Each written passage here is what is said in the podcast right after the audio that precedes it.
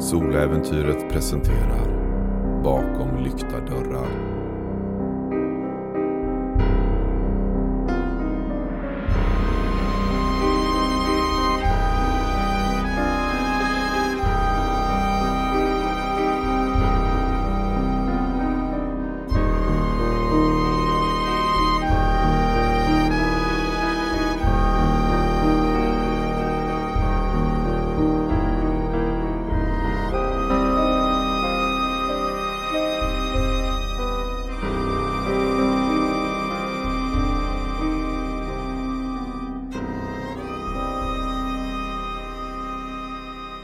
Säsong 5 Avsnitt 17 You need to calm down Sky har vaknat upp ur drömmen tillsammans med henne.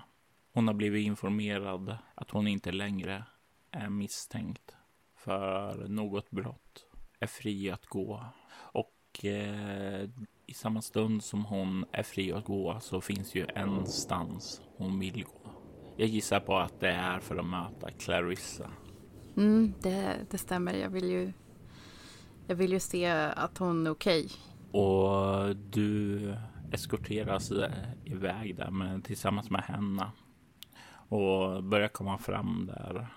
Så kan ni se att det sitter en polis på en stol utanför hennes rum. Han eh, kollar till när du stannar, nickar mer åt dig och verkar släppa in dig sedan. Henna säger, ehm, jag väntar här ute så ni får lite ensamtid. Jag nickar tacksamt åt henne. Hon ler och du kan kliva in. Du kan se Clarissa ligga i sjuksängen. Hon ser alltid rofylld ut när hon sover. Jag går fram till henne och stryker henne lätt över pannan. Hon börjar öppna ögonen och när hon ser att det är du så ler hon åt dig. Sky, är det, mår du bra? Oroa dig inte för mig.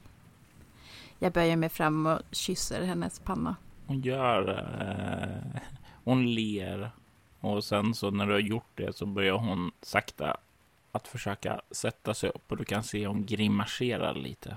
Jag lägger mina händer på hennes axlar, liksom som för att hindra henne från att resa på sig. Nej, nej, nej, ligg li kvar. Ligg kvar.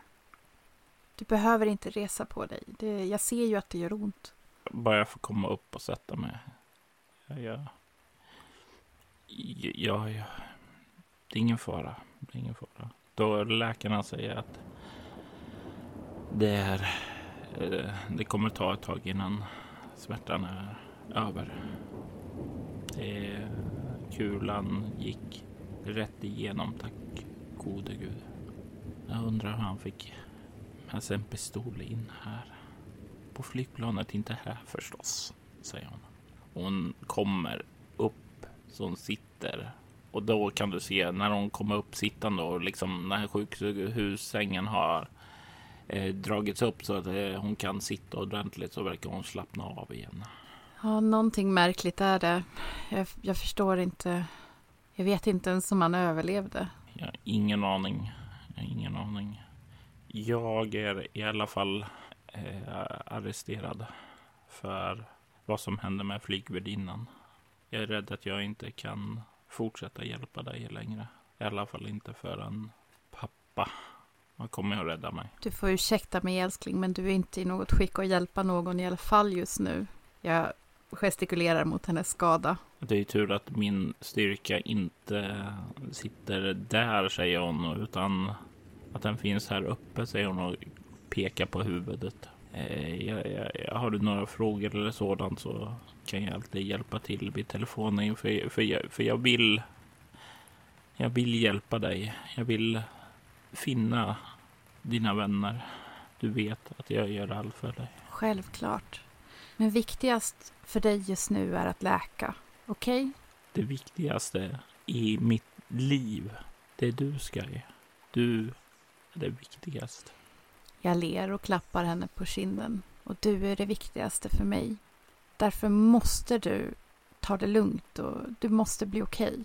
Du, måste, du måste läka. Det här är en allvarlig skada ändå. Hon nickar Och sen så ler hon lite sådär oskuldsfull och säger ja, det är väl tur att jag blev arresterad. Då kan jag inte springa iväg och göra dumheter då, säger hon. Jag skrattar lite. Jaha, precis så. Och du, om inte du läker kan vi aldrig åka till Disneyland tillsammans. Hon ler och säger ja, det, jag måste ju läka för det finns så många saker som jag vill göra tillsammans med dig. Men jag vill att du, min väska där borta, plocka, plocka med filerna och sådant där så ni har det att gå på. Jag gissar att henne är okej. Okay. Hanna är okej. Det finns ingen anledning att oroa sig för henne. Hon är alltid okej. Ja, jag börjar förstå det nu, säger hon och fnissar lite. Jag försöker också att inte visa att jag själv överhuvudtaget är särskilt medtagen av, av allt som har hänt. Eh, jag har ju en hjärnskakning och eh, slagen gul och blå, men det försöker jag att inte visa för Clarissa. Det är viktigare att hon fokuserar på sig, på sig själv här. Och jag tänker det här så kan du slå ett utstrålning kameleont mot henne för att se hur pass väl du döljer det.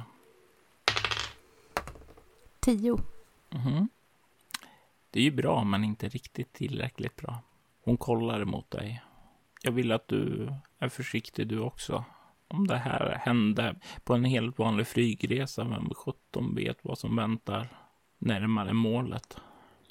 Jag vill inte, jag vill inte förlora dig. Jag kommer inte att låta mig bli överraskad igen. Oroa dig inte. Jag stryker bak håret bakom hennes öra och kysser henne. Du känner hennes läppar möta dina och det känns så ja, stärkande i just den stunden. När passionen brinner så starkt. Du kan återhämta en skräcknivå eller en uh, bestående förlust i utstrålning. Jag har ju inga förluster i utstrålning, så skräcknivå it is. Uh, kan jag sänka, jag har i allmän och chock.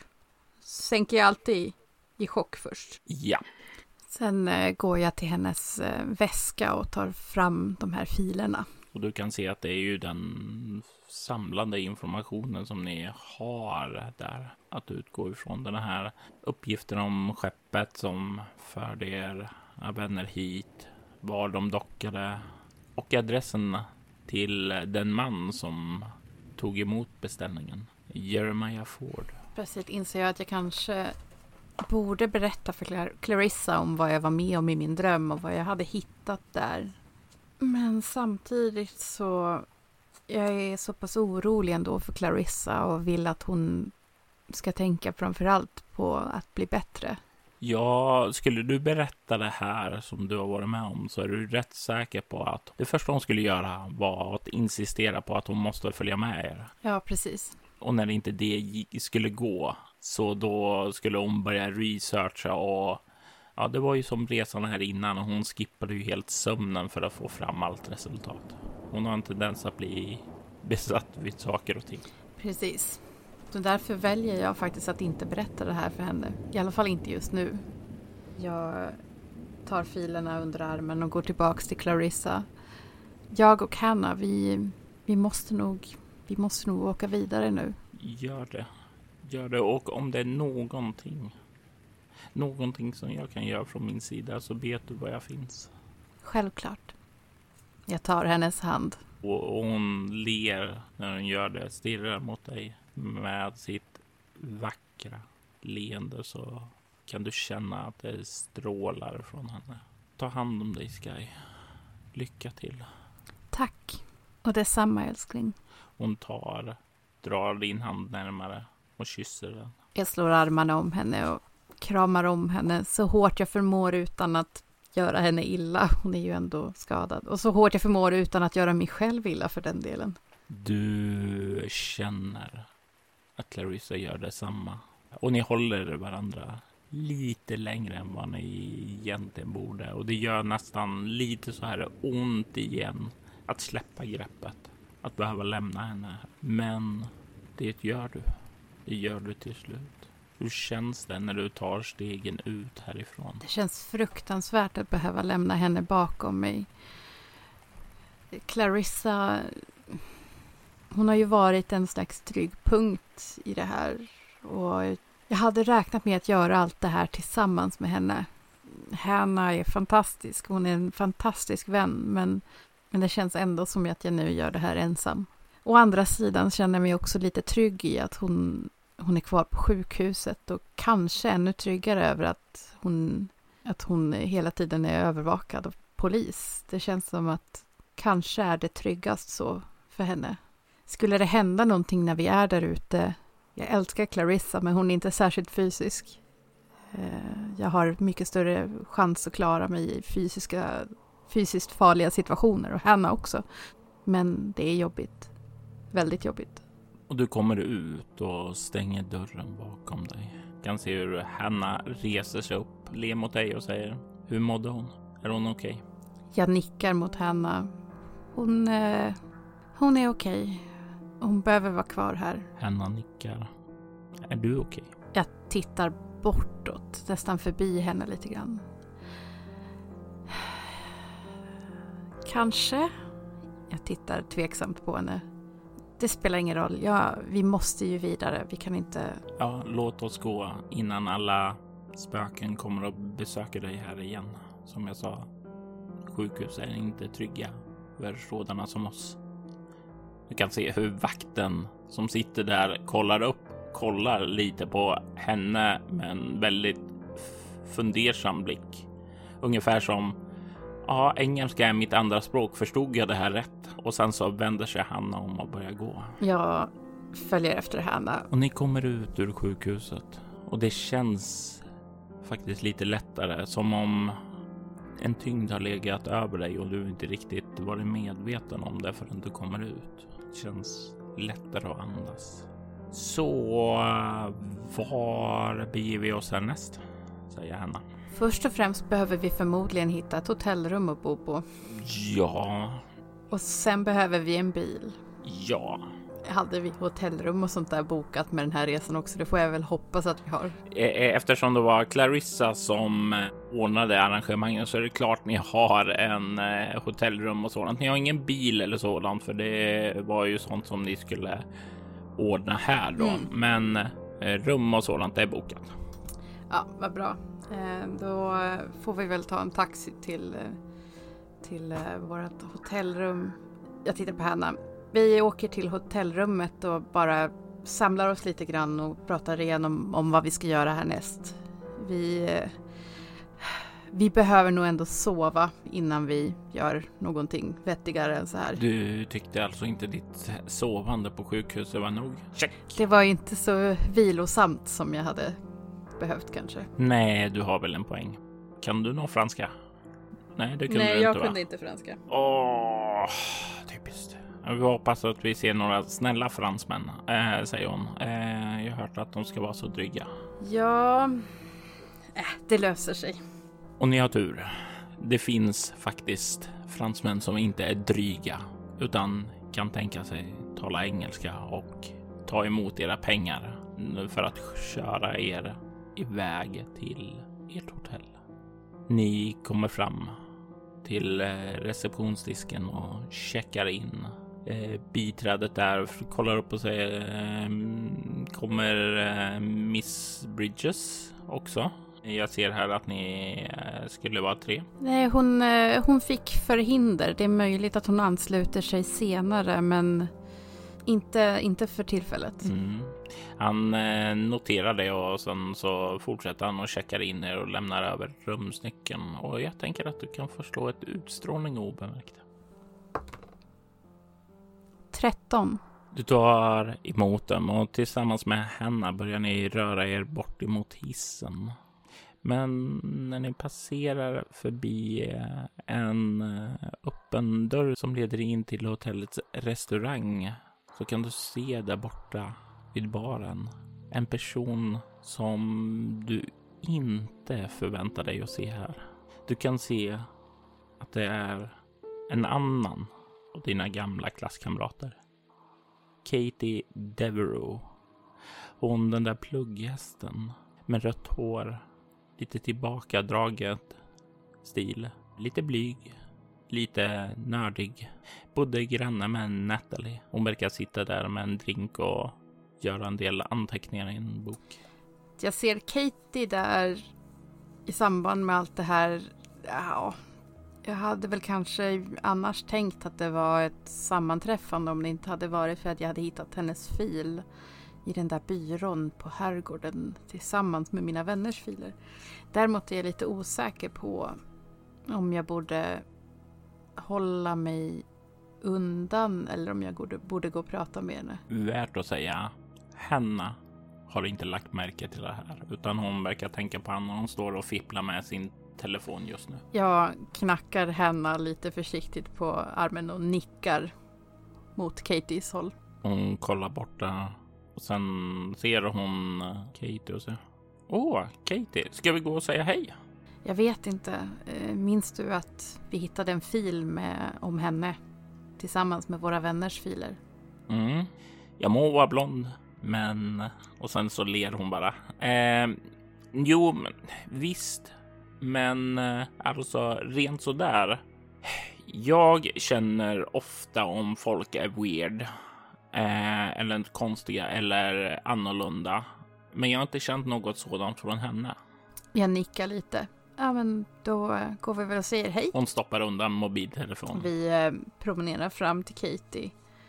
Och så kör jag liksom den här grejen som man gör när man hittar, när man träffar bekant på en plats man inte förväntar sig. Lite så här spelat. Nej men, vad gör du här? Katie, hej! Jag vill veta vad du har i obemärkt. Jag har fyra i obemärkt. När du gör så där och kommer fram där så ser du hon rycker till och ganska direkt slår ihop boken. Men du hinner få se en skymt av att hon verkar inte skriva i boken utan det är mängder av konstiga symboler som hon har suttit och ritat i den. Eh, nej men hej Sky, hej. Eh, vad trevligt att ses, säger hon och sträcker lite eh, osäkert fram handen. Ja, när jag såg de här symbolerna så kändes det som att, ja nej, hon är på något vis definitivt här av anledningar relaterade till våra. Jag tar hennes hand och skakar den lite sådär trevligt. Men du, vad, vad gör du här? Ja, det är en, det är en lång historia. Eh, skulle du tro mig om jag letar efter en dödskult? Säger hon och ler lite. Hon verkar säga det på ett sätt så hon försöker att skämta om det. Men samtidigt verkar ja, flyta ut det för att se hur eh, du reagerar på det. Jag rycker inte ens till vid det här laget. Ja, jag skulle utan tvekan tro dig om du säger det. Är det det du säger? Det är det jag säger. Jag tittar lite snabbt mot Hanna som en sån här blick mellan kompisar, typ Are you hearing this? Du kan se att hon eh, nickar till åt dig och eh, hoppar upp och sätter sig på barstolen bredvid eh, Katie. Åh, coolt! Dödskult sa du. Vilken dödskult då? Som om det vore det mest naturliga i den här situationen att fråga. Eh, dödskulten heter Athanasia. Och det är någonting som ringer bekant för dig. Jag vill att du slår ett ego plus konstnärlighet. Men du kan få använda din specialisering roller derby drottning för det här slaget. Just och jag får två tärningar. Just det. Mm. 11. Det här låter ju bekant. Du känner igen Athanasia. Det är en dödskult som förekommer i en av Daniel Darwins böcker. Och Daniel Darwin, San Sebastians lokala skräckförfattare. Eller ja, han lever ju inte längre då, men han skrev många verk och blev mycket av en kändis. Har lämnat ett stort intryck på San Sebastian. Många av roller derby namnen i staden hämtas ifrån hans böcker. Och ditt eget roller derby namn, Bitch Black, kommer från en av hans. Så du känner igen Athanasia Det är en dödskult från hans böcker som dyrkar en stor ondska som kallas för King Eternity. Atanasia, men finns den på riktigt menar du? Det finns en eh, liten sekt som kallar sig för det i alla fall. Verkar inte riktigt ha samma metodik, men jag tror de har tagit namnet därifrån i alla fall. De eh, kidnappades förra året och eh, jag har letat efter dem sedan dess. Och spåren, de har lett mig hit. Är eh, möjligen Diane Castle en av dem? Och du kan se första under eh, samtalet att hon plötsligt verkar skifta och bli mer skärpt. Verkar som den här blyga personen som hon bär. Farnar lite och ganska snabbt säger Ja, vad vet du om henne? Eh, jag vet inte så mycket om henne, men eh, jag är här för att jag söker efter några som har försvunnit. Mina vänner. Och eh, jag tror att de kan vara tagna av samma man, organisation, kult, jag vet inte vad. Vänta nu. Vänta nu. Du letar fortfarande efter Natalie, Mariah och Everett. Jag nickar och slår ner blicken lite. Ja, men såklart. Såklart. De försvann samtidigt. Då är det sex personer jag letat efter, inte tre. Jag borde ha lagt ihop det här tidigare. Tunnelseende en hemsk sak. Vi kanske skulle kunna göra gemensam sak. Vi kommer nog behöva all hjälp vi kan få, så jag tittar på henne lite frågande. Hon eh, nickar och säger eh, visst. Eh, jag har inga problem med det. Natalie tyckte du var lite weird, men eh, ja, ja, jag har väl inget emot weird. Eh, du har alltid verkar schysst. Du kan se hur Katie ler lite grann. Ja, men utmärkt då. Eh, då föreslår jag att vi gör slag i sak. Jag vet följande att de kom hit med ett skepp som hette Primo Victoria. Det lämnade sin last här.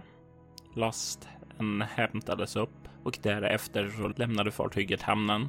Så det bästa spåret som jag har är ut till eh, en herrgård som heter Chateau Ford som ligger en bit utanför Marseille. Det är ungefär vad vi också känner till. Eh, Jeremiah Ford heter mannen som äger herrgården. Och det är vårt mål. Eh, han kidnappade mig innan jag kom och lärde känna er, säger Hanna med ett leende. Eh, väldigt casual. Mm, Okej, okay, säger Katie. Jag eh, är inte bekant med eh, den här professor Ford. Är det något vi bör veta om han? En sak som kan vara bra för dig att veta. Um, jag vet inte hur jag ska... Okej, okay. så här.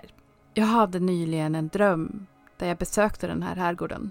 Jag säger det liksom lite trevande för att se om hon tycker att det verkar konstigt alls att jag bara besöker platser i mina drömmar. Hon verkar inte reagera det överhuvudtaget, utan mer Fortsätt. Och eh, i en byrå hittade jag en mängd filer. Jag hittade filer med namnen på mina vänner. Och förmodligen på dem du söker efter också. Och en fil med ditt namn. M mitt? Så smickrande. Läste du något intressant? Eh, inget, eh, inte så himla mycket som jag inte redan kände till om dig sedan tidigare, men det stod någonting om att de inte riktigt visste. Ehm, var och en av de här filerna tog upp någon särskild förmåga eller kraft eller egenskap, men eh, i din fil så stod det att de inte riktigt visste vad du var för något. Nej, det finns inte många av oss kvar. Vi är ett döende släkte. Låt oss säga, jag kommer inte härifrån. Min värld eh, förintades för länge sedan. Och vi... Ja, vi spreds för vind. Och jag förlorade mycket av min familj. Jag är ensam kvar här. Jag har inte träffat någon annan som mig. Du kan se hur Hanna mm, verkar bara ta in det här, reflektera inte över det överhuvudtaget, utan det är som om hon hade sagt att hon kom egentligen från Frankrike. Jag, eh, jag däremot Ja, det här är ju inte vardagsmat för mig överhuvudtaget. Jag stirrar på henne och förväntar mig nästan lite mer av en förklaring eller sådär. Jag har varit med om ganska mycket konstigt här på senare tid men det här lät ändå lite väl konstigt.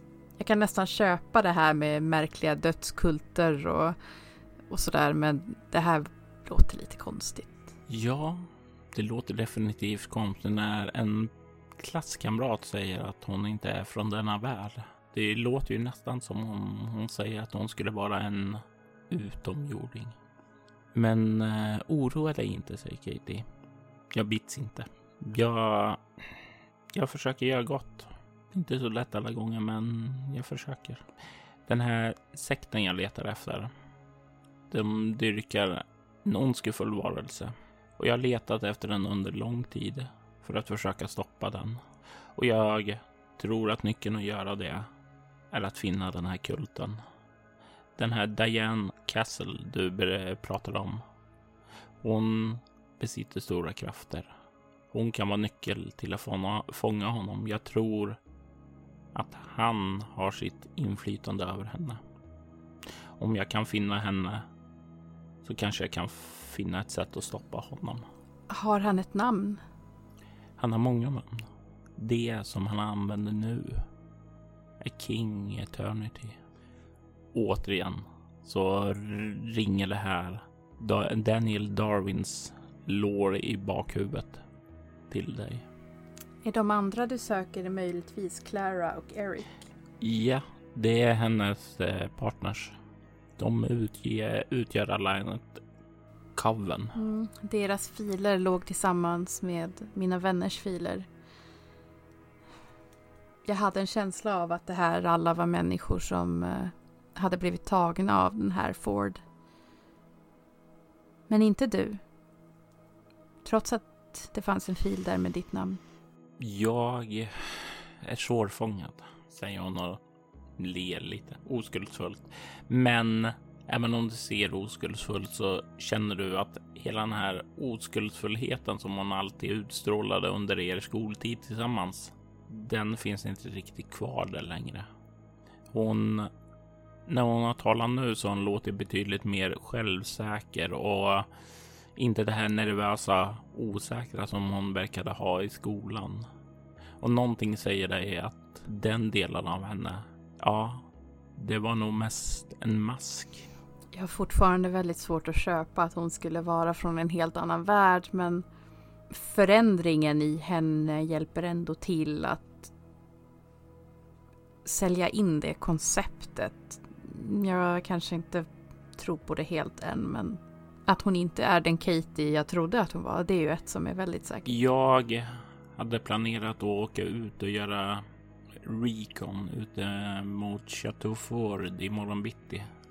Vill ni slå följe? Naturligtvis. Jag tycker att vi ska hjälpa varandra så mycket vi kan. Vi, eh, vi vill ju alla samma sak i slutändan ändå. Henna nickar instämmande och Katie ler. Då säger vi så. Jag var på väg att börja dra mig upp för att vila. Om det inte var någon mer frågor så ska vi säga att vi syns här nere eh, vid frukostbuffén vid åtta. Det låter super. Då önskar jag er en god natt, säger hon och ler och Hanna gör en honnör åt henne. God natt, säger jag vinkar lite. Och ni blir kvar ensamma där i restaurangbaren då hon försvinner upp till sitt rum. Det där gick väl smärtfritt, säger Hanna. Kanske lite för smärtfritt. Menar du att det är något skumt? Jag henne? vet inte, jag tycker det känns lite för lägligt på något vis. Men vi behöver all hjälp vi kan få. Det behöver vi och oroa dig inte. Jag lovar att skydda dig. Jag flinar lite. Och hon flinar tillbaka. Ja, nej, men eh, vi kanske ska försöka få lite välbehövlig sömn så att vi är redo för morgondagens uppdrag. Låter som en bra idé. Ni tar er upp till ert rum, gör kvällsrutinerna. Medans Henna är där inne för att duscha av sig och sådant så fipplar du lite igenom filen som Clarissa eh, gav dig när du går igenom det och kollar så dyker de här ledtrådarna och sådant upp som ni har samlat på er. Men det är en sak här som sticker ut. En sak som inte ser ut att höra hemma här.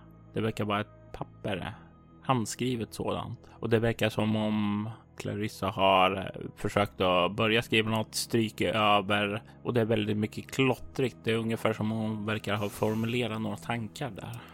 Jag tar upp lappen och läser den. Och den är ju svårläst för det är så mycket överstrykningar och sådant där. Men jag tänker att du kan förstå ett lätt slag med egolingvistik. Lingvistik har jag noll i. Så okej. Okay. Fem. Du kan se att det, det, är lite oklart. Det verkar som hon oroar sig över någonting. Att hon har något som hon vill säga men som hon måste liksom reda ut på papper först. Några ord som har blivit överstrykna. Du snappar upp dem. Dålig människa. Calvin. Kvävd. Skada. Hata mig. Otrogen. Botgöring. Vad går igenom dina tankar? När du får de här orden orden utan någon egentligen sammanhörande kontext annat än att det är någonting som hon verkar vilja säga dig. För det är till dig som hon verkar vilja rikta sig. Jag tänker tillbaka till det förtroliga samtalet som vi hade hemma. Eh, den där, eh, den där dagen innan vi åkte på den här välgörenhetsskalan. När Clarissa förtrodde sig för mig om om eh, hennes relation. Däremot minns jag inte att hon ska ha pratat någonting om någon otrogenhet. Och jag drabbas av en oro. Vem är det hon har varit otrogen mot? Jag kämpar emot impulsen att skriva till henne. Jag vill liksom inte, jag vill inte utsätta henne för mer oro och kaos just nu. Jag är så himla orolig för hennes tillstånd, även om hon verkade rätt okej under omständigheterna på sjukhuset så det kan vänta. Det finns andra saker som är prioritet nu. Hennes hälsa är en av dem. Jag vill att du slår ett omskakande skräckslag med utstrålning. Elva. Som du säger, det finns viktigare saker just nu. Det blir lite där i bakhuvudet som gnager. Mm, någonting som vill komma fram där. Men du kan pressa tillbaka känslorna. Ha kontroll över dem. Inte känna skräcken välla upp i dig. Och det här gör att nattens sömn ändå blir relativt rogivande. Du hemsöks inte av mardrömmar. Du känner när du vaknar nästa morgon att du känner dig utvilad i bättre vigör än tidigare. Du kan få tillbaka en bestående förlust och tillsammans med henne så beger ni er ned mot restaurangens frukostbuffé för att se till att känna er mätta och belåtna innan ni sätter er i bilen för att bege er iväg mot Chateau Ford.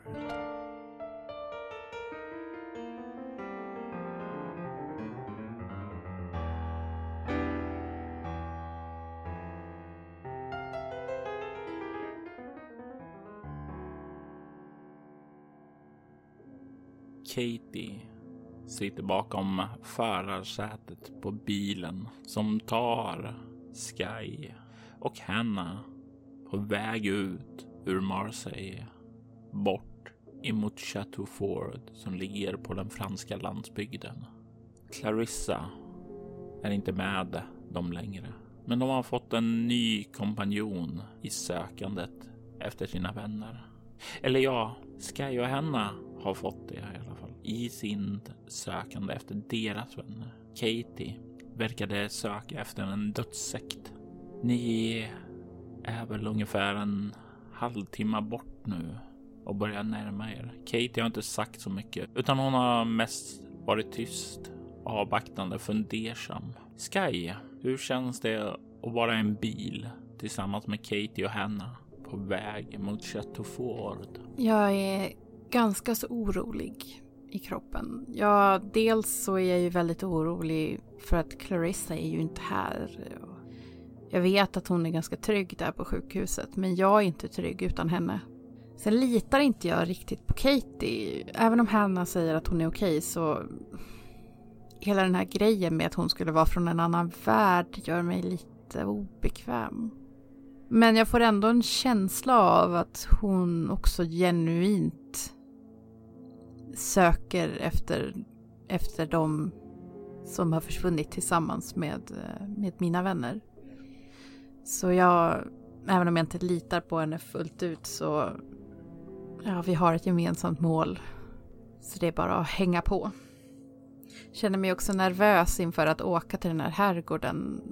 Drömmen som jag hade där var ju allt annat än behaglig. Även om jag inte tror att det är så rimligt att det ska dyka upp några jättemuskelmonster i verkligheten så känns det ändå lite obehagligt.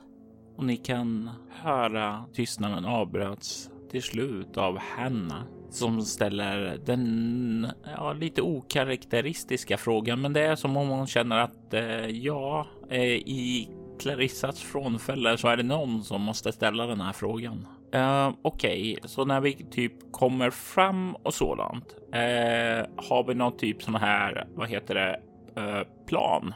Plan att göra någon saker. Ska vi bara typ ta och åka upp och knacka på? Ska vi typ eh, parkera bilen långt bort och smyga fram och liksom spissa på dem? Eller eh, har någon tänkt på det? Jag är inte bäst på det, men kanske någon annan har någon idé? Katie, du hade ju planerat att komma ut hit till att börja med. Hade du någon särskild idé om vad du ville göra när du kommer fram? Jag hade en idé, men den kan vi inte göra i grupp. Jag hade tänkt att ta med en span på området. Vi kan ju dela upp oss. Vi behöver ju inte färdas i grupp. Dessutom kanske det kan vara lite säkrare att sprida ut sig. Ja, det låter som en eh, bra poäng, säger Katie.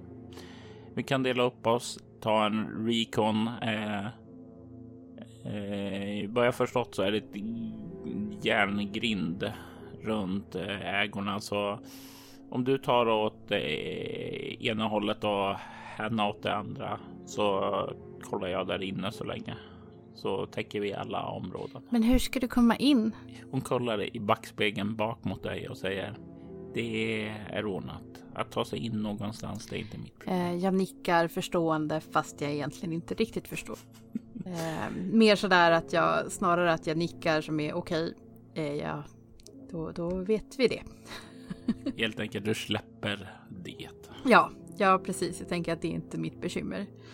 Jag försöker att komma ihåg eh, hur det var när jag drömde. Jag tror inte jag såg utsidan så mycket. Det var ju Nej, du kollade ju lite som hastigast där nere mm. ut och det var ju sådana stora glas med spröjs som gjorde det svårt att se. Men du såg att det var ganska stor. Det var någon grusgång väl och någon ganska fin trädgård och sådant. Okej, okay, jag tänker att det kan vara bra om vi försöker få en uppfattning av eh, finns det vakter? Hur många kan de tänkas vara? Så hur ser säkerheten ut? Tänker jag att vi kan kolla på Vet du Katie om de har någon verksamhet här, alltså öppet? Vad jag vet är att eh, professor Ford köpte det här under början av 2000-talet, men det var väl någon gång 2004, 2005 som det,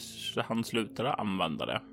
Och det har stått öde sedan dess. Fram till för några år sedan då det började eh, startas upp. Elräkningarna började betalas, abonnemang och den typen av tjänster där. Eh, återigen, i drift skulle jag väl inte säga det, men eh, definitivt som någon borde. Okej. Jag tänkte om de hade till exempel drivit en vingård eller sådär som en slags front så hade man ju kunnat komma in som en turist och kika runt eller så. Nej, men det finns en vingård en liten bit bort säger Hanna och liksom som man var lite stolt över. Hon har läst turistbroschyrerna från här. Eh, det ska vara ganska gott vin har jag hört. Bra, då har vi en stadig plan B om det här går åt helvete. Säger jag och flinar lite. Ja, men då tar jag och eh, parkerar bilen en bit bort så går vi fram, delar upp oss och kör en liten span då. Och hon återgår till att kolla på vägen. Och du kan se hur den franska landsbygden, ja, passerar förbi. Det är en vacker naturlandskap som du kan se. Lugnt och rogivande. Ditt sinne kanske inte är lika rogivande dock. Men snart så parkerar ni bilen, kliver ut den och börja bege er iväg den sista biten fram till Chateau Fort.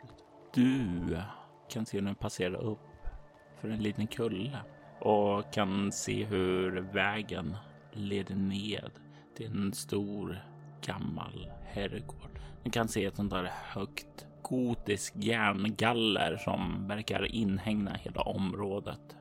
Det finns en grind och det finns en sån här gammalt vakthus där också i sån här rött tegelmurbruk. Du kan se också att det finns en skylt där utanför som troligtvis har någon form av mått i sig. Men det verkar som om skylten är överväxt av sådana här gammal växter som slingrar sig upp längs med murarna. Kan se bortanför den höga herrgården. En bred, stor, men den känns bekant. Även om du aldrig såg hur den såg ut i drömmen så är det här bilden som du fick av herrgården. Du känner en liten kall kår leda ned längs ryggraden. Okej, säger Hanna. Creepy mansion, check. No kidding, ha? Mhm. Eh, så vill du ha vänster sida eller höger sida? Jag går till höger om du går till vänster. Och du vet här utifrån att eh, om man går rakt fram och skulle gå in så är det åt vänster som du kommer in i den här restaurangen som finns och höger. Ja, där var du aldrig inne, men det var ju där som eh, ja, själva receptionsdisken och den privata delen var. Så det är den delen som du börjar bege dig ned emot. Jag tänker att du kan få slå ett kropp obemärkt här. Ett lätt slag. 14. Du kan se hur Hanna nickar åt dig och eh, hon rör sig iväg. Och när du också började röra iväg så kan du se hur Katie börjar och ta av sig sin jacka. Fortsätter du nedåt? Ja, jag fortsätter neråt. Du kommer ned, smyger dig närmare. Det finns hyfsat med terräng här så det är inte alltför svårt att hålla sig en ganska diskret. Kan se när du kommer närmare att många av rummen verkar nedsläckna. Du kan inte se mycket bevis på att det skulle vara någon liv här. Gräsmattan verkar rätt så vildvuxen. Det här är definitivt inte en herrgård som tas hand om. När du passerar förbi kortsidan och kommer ut på baksidan så kan du lägga märke till något. Du kan plötsligt höra ett ljudet av ett gevärsskott som avfyras. Vad gör du? Jag kastar mig till marken. Du landar på marken. Hör ljudet av något som laddas om. Var det mot mig de sköt? Slå ett eh, kropp stridsvana. Slå ett lätt slag med kroppsstridsvana. 12. Det verkar bara som om den sköts emot i en riktning. Kanske inte rakt på dig, men åt ditt håll i alla fall. Jag håller mig nära marken men eh, krälar mig bortåt så att jag ska kunna ta skydd om det finns något buskage eller någonting så att jag inte är så synlig. Ett nytt skott. Hörs av. Den här gången så skjuter den mot platsen du nyss var. Jag fortsätter att kräla bortåt. Du kan höra laddas om igen. Och du kan nu komma fram så du kan ana det vad som sker. Du kan se en vit medelålders man, ganska grov, klädd i okej okay kläder, men de ser lite slitna ut, skrynkliga. Den här mannen håller ett gevär som ryker, nyss avfyrat, mot de burkar som står uppställda på ett litet bord där bak. Du inser att han verkar skjuta på dem, inte på dig. Men bordet fanns åt din riktning. Jag drar en suck av lättnad och fortsätter att kräla bortåt så diskret som möjligt. Jag är ju fortfarande oupptäckt och det tänkte jag förbli om jag kan. Då vill jag veta en väldigt viktig fråga. Kryper du tillbaka eller kryper du Nej, vidare? Jag kryper vidare. Då tänker jag att du ska få slå ett nytt slag med kropp obemärkt, men denna gång mot skyttens kropp obemärkt. Du lät lite för glad där. Han har dock minus på slaget. Och han slår en trea. Tolv. Mm, du kryper vidare. Du hör återigen ett gevärsskott. Jag sneglar bakåt mot burkarna. Hur ser hans träffsäkerhet ut? Det ser ut som han har övat länge. Att han kan sin grej nu. Och att skjuta en ung kvinna där ute är nog lättare att göra än att träffa de där burkarna. Skit också. Eh, jag fortsätter att kräla vidare och försöker se om det finns några andra där än han. Du fortsätter att kräla vidare. Och du är inte ensam om att kräla. Där på baksidan i höga gräset.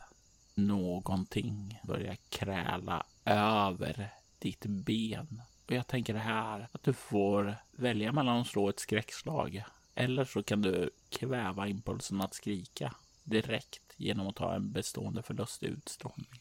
Att ha en bestående förlust i utstrålning. Vad gör du när du känner någonting krälar över dig, dina ben? Först och främst så sätter jag händerna för munnen som att det ska hjälpa mig att kväva mitt, eh, mitt utrop. Och sen motvilligt tittar jag ner mot mina ben men jag ligger så still jag bara kan. Du kan se hur en orm verkar passera över dina ben. Vad har du i överlevnad? Du hade inte så mycket där. Um, noll. Du har ingen aning om den är harmlös eller giftig. Men den verkar just nu inte vara så intresserad av dig utan du är mest någonting i vägen för dess vidare färd framåt mot herrgården. Min andning blir genast mycket, mycket häftigare. Snudd på panikslagen, men jag försöker verkligen att ligga still och bara låta den passera. Tack vare din spenderande bestående förlust så har du inga problem att hålla tillbaka det, men det tär ju på dig. Det tär på viljestyrkan. Det tär på krafterna. Den har tagit sig över dig och fortsätter iväg. Och just nu så är du ensam i det höga gräset. När den har passerat så ligger jag kvar en liten stund och liksom hämtar andan. Det är ju nästan som att jag inte, har, som att jag inte fick någon luft eh, trots att jag andades så häftigt. Jag börjar kräla vidare framåt sen. Och just när du är på väg att göra det så kan du framför dig i det höga gräset höra någonting som rör sig framåt emot dig. Rakt framifrån den här gången. Jag viskar tyst. Hanna? Sky. Är det du? Ja. Hanna? Ja, ja, ja. Det, det är någon med ett gevär där. Det är en man med. Ja. Äh. Ska vi ta oss tillbaka? Okej, okej, okej.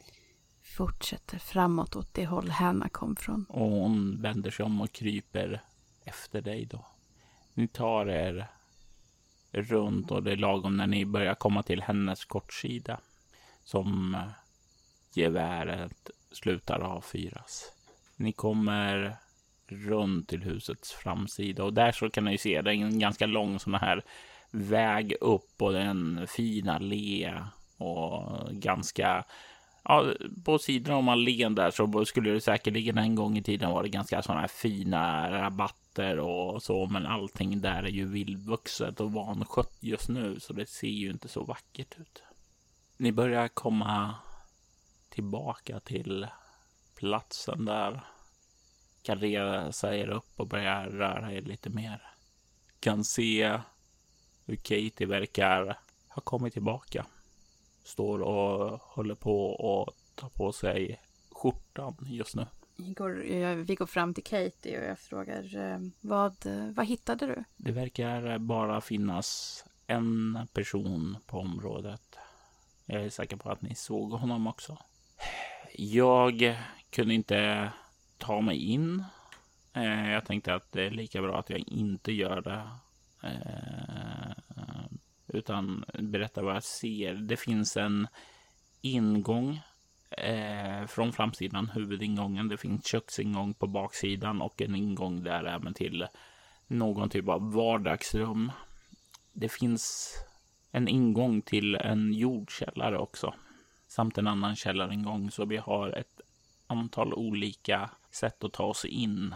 Eh, grinden är låst med en järnkedja. Men jag kunde inte se några kameror eller liknande. Överhuvudtaget verkar det vara dåligt med vakter, hundar eller annat. Då har vi bara gevärsskytten att oroa oss för. Men det är också ett ganska stort orosmoment. Jag, kan, ta hand om honom, säger nästan Hanna och eh, Katie i gemensam unison ton. Jag tittar först på Hanna och sen på Katie. Lite frågande sådär. Jaha, hur, eh, hur tänkte ni?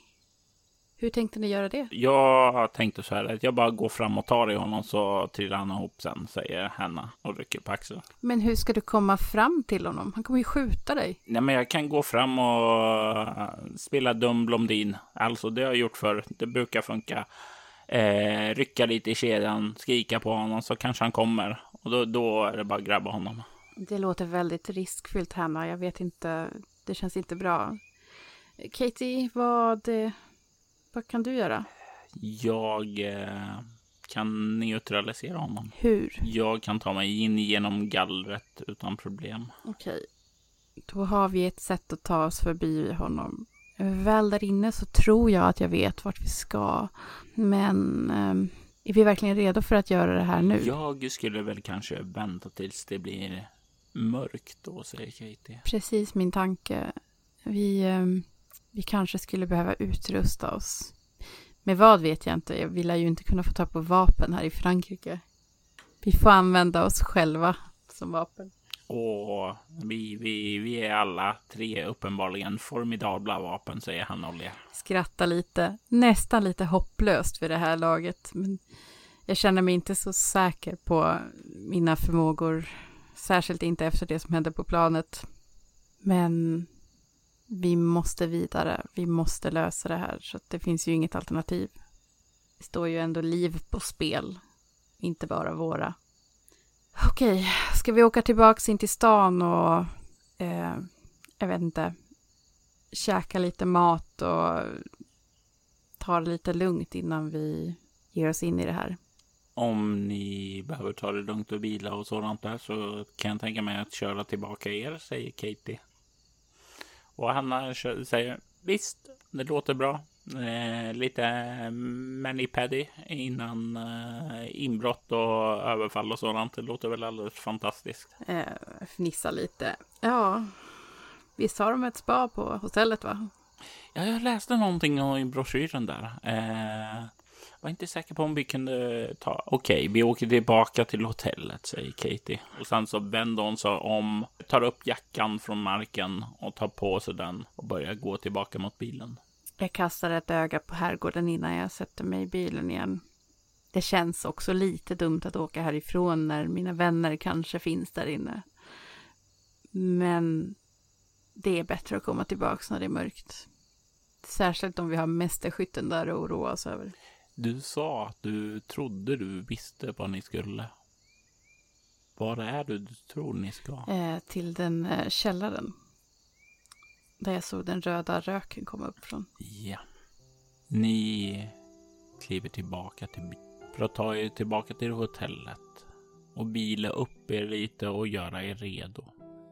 Jag tänker att eh, om ni spenderar större delen av dagen att göra det och vila och sådant där så kan du faktiskt få tillbaka en bestående förlust i valfri egenskap eller en skräcknivå. Vad kommer jag förlora mest av sen?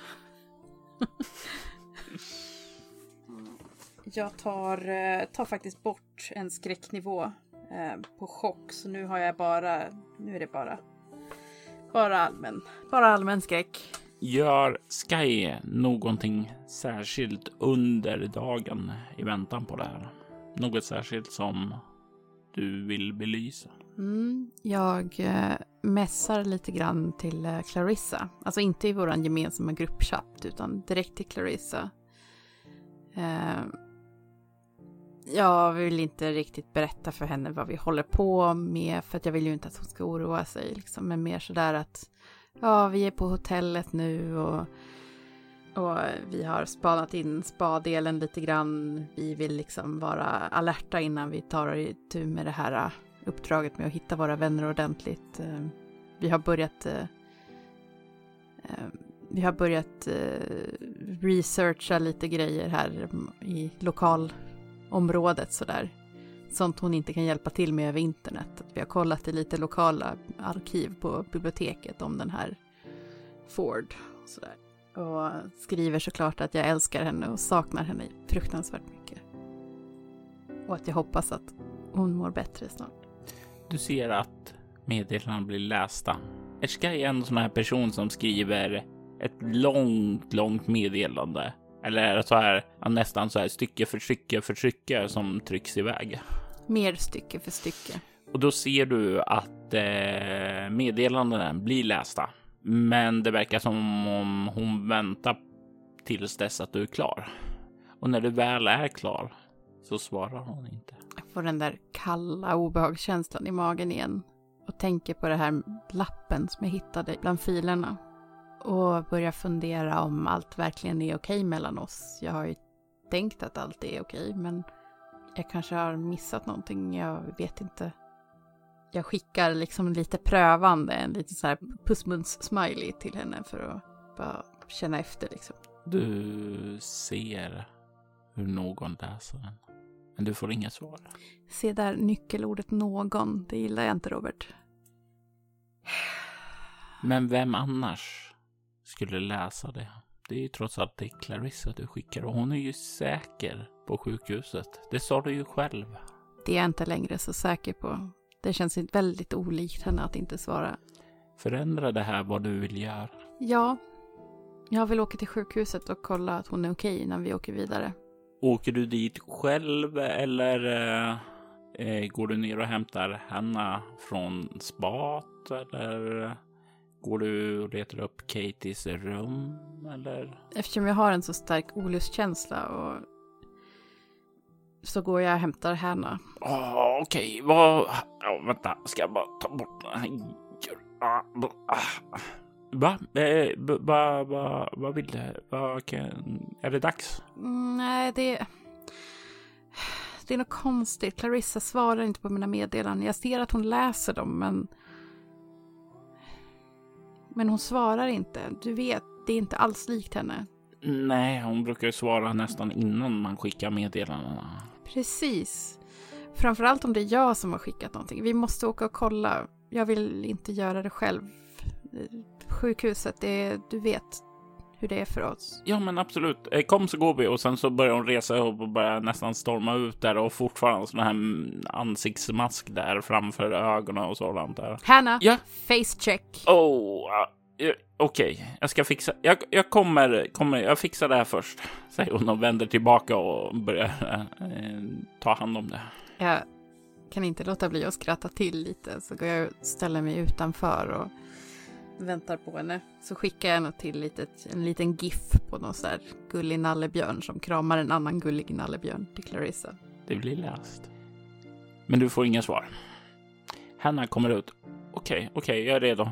Kom. Och ni börjar eh, kliva ut. Tar ni en taxi? Mm, vi tar en taxi. Väl i taxin så böjer sig Hanna lite framåt och säger du, Eh, tänk nu, alltså du verkar ju besitta en förmåga att höra de döda. Och på sjukhuset så finns det rätt så många döda och de har en tendens att kunna bombardera ditt sinne när som helst. Jag kan försöka och se till att hålla dem undan ifrån dig, men då måste jag vara nära dig och se dig. Om jag inte gör det så kan det bli så att de börjar hemsöka dig och det brukar folk brukar.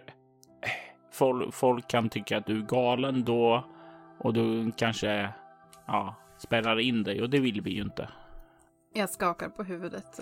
Nej, nej det vill vi inte. Så spring inte iväg från mig bara så tror jag det här är lugnt. Jag nickar och stryker liksom lite disträ stryker jag liksom över min telefon som om det var Clarissas hand. Och taxin stannar utanför sjukhuset och ni kan kliva av. Kan se skylten Saint Joseph stå där och du är tillbaka där du vaknade upp efter drömmen om herrgården. Och när ni kliver in där så kan du känna den här tyngden svepa in igen. Som om miljön här är sämre.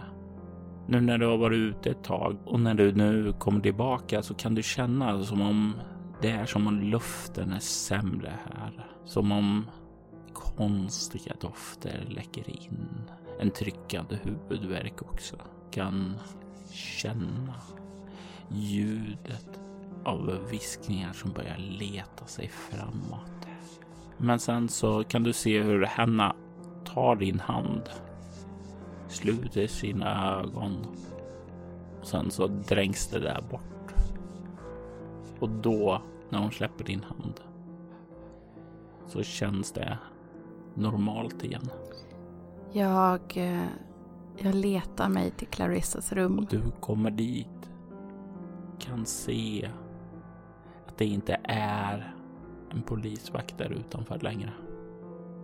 Men du kan höra röster inifrån rummet. Clarissa och en annan mans. Den låter vagt bekant. Jag tänker att du kan förstå ett ego samhällsvänskap. Lätt slag. 11. Den här tärningen gillar jag. Gud vad bra. Ingen die-shaming idag, men Nej. du kan känna igen rösten. Du har hört den rösten ett par år sedan väldigt mycket på nyheterna. Det är ju rösten från den dåvarande borgmästaren Carmen Bridges, även känd som Clarissas far. De verkar gräla. Jag borde ju ha kunnat ana att eh, han skulle komma hit och reda upp situationen, så att säga. Jag avvaktar lite med att gå in. Jag vill liksom inte... Jag vill liksom inte göra en dålig situation värre. Jag tänker att du kan förslå ett utstrålning obemärkt här för att liksom hålla dig ganska diskret där i hallen och inte uppmärksammas av personal samtidigt som du försöker lyssna lite på vad som sägs. Mm. 11. Du kan höra att hennes far är arg över att hon har attackerat en flygvärdinna. Det är inte vad eh, en Bridges gör. Och sedan så säger han de här orden. Och vem i helvete är den här Sky Summers? Eh, det, det är min... Det är min... Och du kan höra nästan så här desperationen, nä, nästan rädslan i hennes röst. Eh, eh, det är min... Och där stormar jag in i rummet. Och när du börjar storma så är Hanna som liksom smält in med dig inte riktigt beredd på det. Så du, när du stormar in där så rycker du dig lös från greppet och hon rycker till och sen så börjar hon att följa efter dig. Och dörren slås upp och båda kollar mot dig. Och jag tänker att du kan få slå ett utstrålning kameleont för att se läget i rummet just när du stormar in. Den här tärningen gillar mig.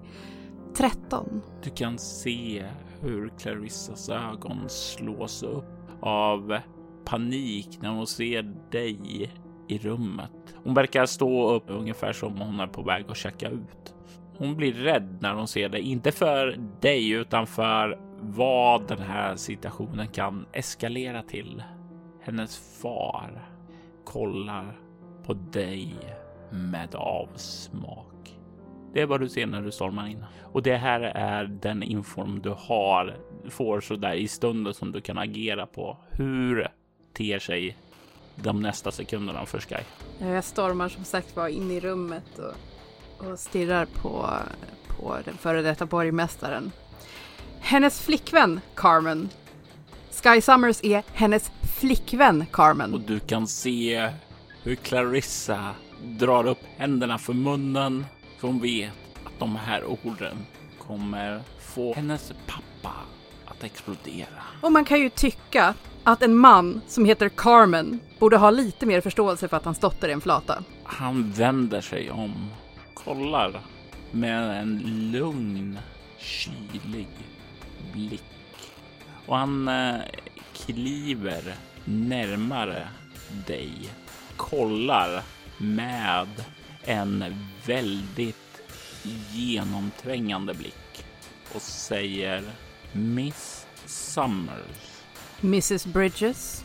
Om jag vore du så skulle jag skämmas. Om du väljer att förleda min dotter ut på villovägar så är det upp till henne. Hon är vuxen nog att göra det beslutet. Men vad jag är inte uppskattar är det faktum att du involverar henne i kriminella aktiviteter. Du har fått henne att begå övergrepp på andra personer. Ombord på ett flygplan vet du hur svårt det är att lösa sånt här på internationellt territorium. Jag har förlett henne. Jag? Ja, det är ju inte jag som har uppfostrat henne. Nej, och innan du kom in i hennes liv så var det inget fel på henne. Och vem säger att det är något fel på henne nu? Polisen, samhället, lagen, jag. Han liksom tonar upp över dig och stirrar med en kylig blick. Och det är som att han håller sig lugn. Men det är som om under ytan som sjuder en vrede som han lägger band på sig. Du är tuff, rolig derbyspelare så du känner ju. Du har ju tampats mot riktiga bufflar och sådant ombord på banan, men det är lite annorlunda här. Han må bära en kostym, men det känns också som den här personen som definitivt skulle kunna vara fysiskt skrämmande. Jag har ändå ganska svårt att tänka mig, trots att han tonar över mig, att han skulle göra någonting i den här miljön. Typer som honom har en tendens att vilja behålla sitt lugn. Jag stirrar trotsigt in i hans ögon. Du kan slå ett utstrålning interaktion här. Eh, jag tänker ett lätt slag och du kan få plus två för den där beskrivningen. Jag tänker annars att jag skulle kunna använda bitch. Det kan du också få använda. Mm. Så utstrålning plus två och två tärningar. Mm. 12. Och räknar du in plus två modifikationen också. Nej, 14. Du stirrar trotsigt på honom och du kan se att den här mannen verkar inte ta det bra. Du kan se att det blixtrar till i hans ögon då du pushar på hans knappar. Han är på väg att explodera. Vad gör du? Jag står kvar och säger ingenting. Ta en bestående förlust i kropp då du får en rejäl dansk skalle i ansiktet. Ja. Han tappar lugnet totalt och du stapplar undan därifrån. Vad går igenom Skys sinne när hon stapplar undan ifrån honom och känner liksom det här danska skallen verka i hennes ansikte? Jag har ju då en hjärnskakning. Mm, det är ju väldigt viktigt att man inte råkar ut för något här när man får en hjärnskakning. Det är det första som, eh, som går igenom mitt huvud. Det andra som går i mitt huvud är att jag har fortfarande inte slagit tillbaka. Det betyder att det här är misshandel. Jag skriker på hjälp. Jag är på ett sjukhus. Det måste finnas gott om folk som kommer till min undsättning. Du skriker. Men du är inte ensam att skrika. Det är någon annan som skriker också. Clarissa skriker. Pappa, nej, sluta! Och nästa sekund så känner du en knytnäve träffa dig rätt över bröstkorgen och du tycker dig höra ett knakande ljud. Det är som om revben knäcks där. Du tar en bestående förlust till och du far in i väggen. Du känner att den har en ordentlig styrka.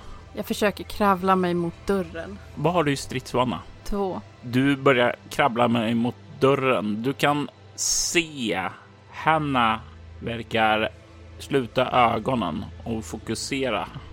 Du börjar kravla dig mot dörren och du plötsligt nästan kommer fram där så känner du hur han sliter tag bakifrån i din... Vad har du på dig? Jag har en eh, kofta över en t-shirt och ett par jeans. Ja, då talar han väldigt så här i linningen på själva eh, koftan och t-shirten och liksom bara sliter dig bakåt så du landar med ett brak på marken. Du tar en bestående förlust till i kropp. Jag försöker sätta mig i koma igen, din jävel. Jag fortsätter att skrika efter hjälp. Du skriker där och du ser hur Hanna öppnar ögonen och tar ett steg fram mot Carmen och tar bara och lägger handen på hans axel. Och i samma sekund som hon gör det så ser du hur Carmen faller till marken och hans kropp börjar att ruttna. Bakom lyckta dörrar är en berättelse skriven, redigerad och spelad av Robert Jonsson till rollspelet Bortom som ges ut av Mylingspel. I detta avsnitt hör vi Sanna Vallapuro som Sky Summers. Temamusiken till Bakom lyckta dörrar hette Singular Perversion och gjordes av Kevin MacLeod. Övrig musik gjordes av Beyond the Ghost, Flowers for Body Snatchers, Kevin MacLeod, Shrine samt en kollaboration från Atrium Carcheri och City's Last Broadcast och en från Apocryphos, Kammarheit och Atrium Carcheri. Övrig musik i detta avsnitt är hämtad från V-Log Songs. Keyos är ett band som tillhör bolaget Cryo Chamber. Vill du ha stämningsfull ambientmusik till dina spelmöten rekommenderas de varmt. Länkar till deras och övriga artisters kanaler hittar du i avsnittets inlägg. Soläventyret är en actual play podcast där vi spelar rollspelen Bortom och Leviathan. Ni kan komma i kontakt med oss via mail på info.bortom.nu. Det går även att följa oss på Instagram och Twitter som @spelabortom, på Facebook samt på bortom.nu. Känner även fri att spana in vår spin-off-podd Altors vidder. Där spelar vi det klassiska rollspelet Drakar och Demoner i världen Altor. Ni är välkomna att lämna recensioner av podden på både Facebook och era poddappar. Det uppskattas djupt av oss och kan leda till extra belöningar för er. Vill du stödja Roberts fortsatta kreativa skapande kan du göra det på patreon.com Robert Jonsson. De som backar får tillgång till material i form av extra poddar och statusuppdateringar. Vi vill ta tillfället i akt att tacka Martin Stackelberg, Mia Gibson, Ty Nilsson, Daniel Pettersson och Kjetil Kvärndocken för det stöd som de givit. Mitt namn är Jörgen Niemi. Tack för att ni har lyssnat.